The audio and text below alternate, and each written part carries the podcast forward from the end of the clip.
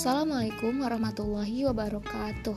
Kembali lagi dengan saya Melan Badriah dari kelompok 2 Dengan NIM 1901654 Oke nih teman-teman uh, Podcast saya kali ini Saya ingin uh, berkomentar untuk kelompok 11 Tetapi sebelum saya berkomentar Saya ingin tahu nih Gimana uh, kabar teman-teman sekalian Uh, semoga selalu sehat, uh, lancar, dan semoga selalu dilindungi oleh Allah Subhanahu wa taala.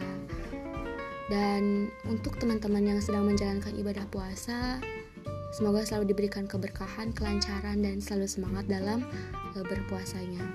Amin ya rabbal alamin. Ya, baik, e, langsung saja ya saya akan e, memberikan komentar untuk kelompok 11 di mana kelompok 11 ini beranggotakan e, Banaf Safa Solihat dan Rotu Asri. E, untuk saudari Banaf saja dan saudari Rotu Asri menurut saya sudah cukup jelas, bahkan sangat jelas ya dalam penyampaian materinya sehingga apa yang disampaikan e, keduanya dapat saya pahami dengan baik.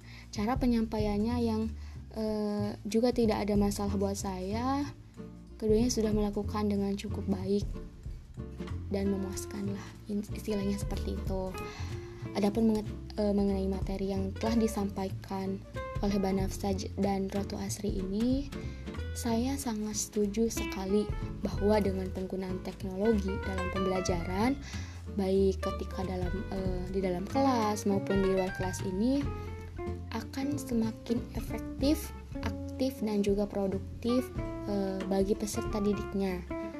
Di mana peserta didik ini tidak hanya akan mendapatkan sumber informasi dari buku saja yang kadang terbatas dari segi jumlah atau materinya, tapi dengan adanya teknologi ini, pengetahuan yang akan didapatkan atau diperoleh peserta didik ini tentunya akan semakin meluas, akan semakin berkembang, akan semakin beragam yang nantinya dapat membentuk sebuah pola pikir yang semakin kritis nih terhadap uh, setiap informasi yang diperoleh peserta didik.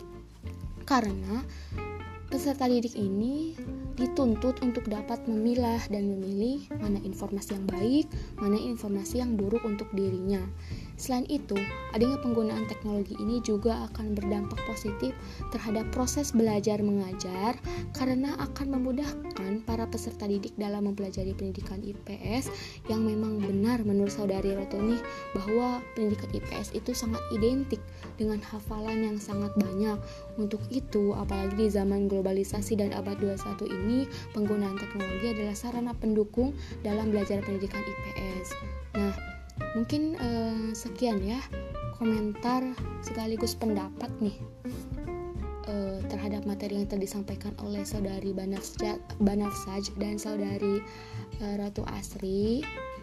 Tapi nih sebelum saya menutup izinkan saya memberikan satu oleh-oleh untuk kelompok 11 yaitu sebuah pertanyaan ya yang saya ingin ajukan yaitu apakah penggunaan teknologi nih secara terus-menerus akan mengganti atau menggeser peran seorang guru. Nah, mengapa?